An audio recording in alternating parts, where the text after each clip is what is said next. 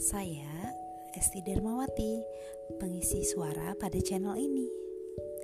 Kali ini saya akan membacakan Al-Quran terjemah dari penerjemah atau pentafsir Al-Quran Lajna Pentasihan Mushaf Al-Quran Kementerian Agama Republik Indonesia yang diterbitkan oleh Sigma Creative Media Corp.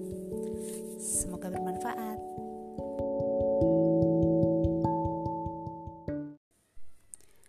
Surat Al-Lahab Surat ke-111 terdiri dari lima ayat. Makiyah. Dengan nama Allah yang maha pengasih, maha penyayang. Satu. Binasalah kedua tangan Abu Lahab dan benar-benar binasa dia. Dua.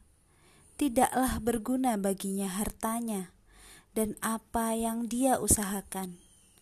Tiga kelak dia akan masuk ke dalam api yang bergejolak, neraka.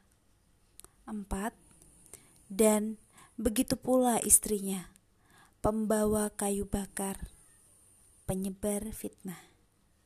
Lima, di lehernya ada tali dari sabut yang dipintal.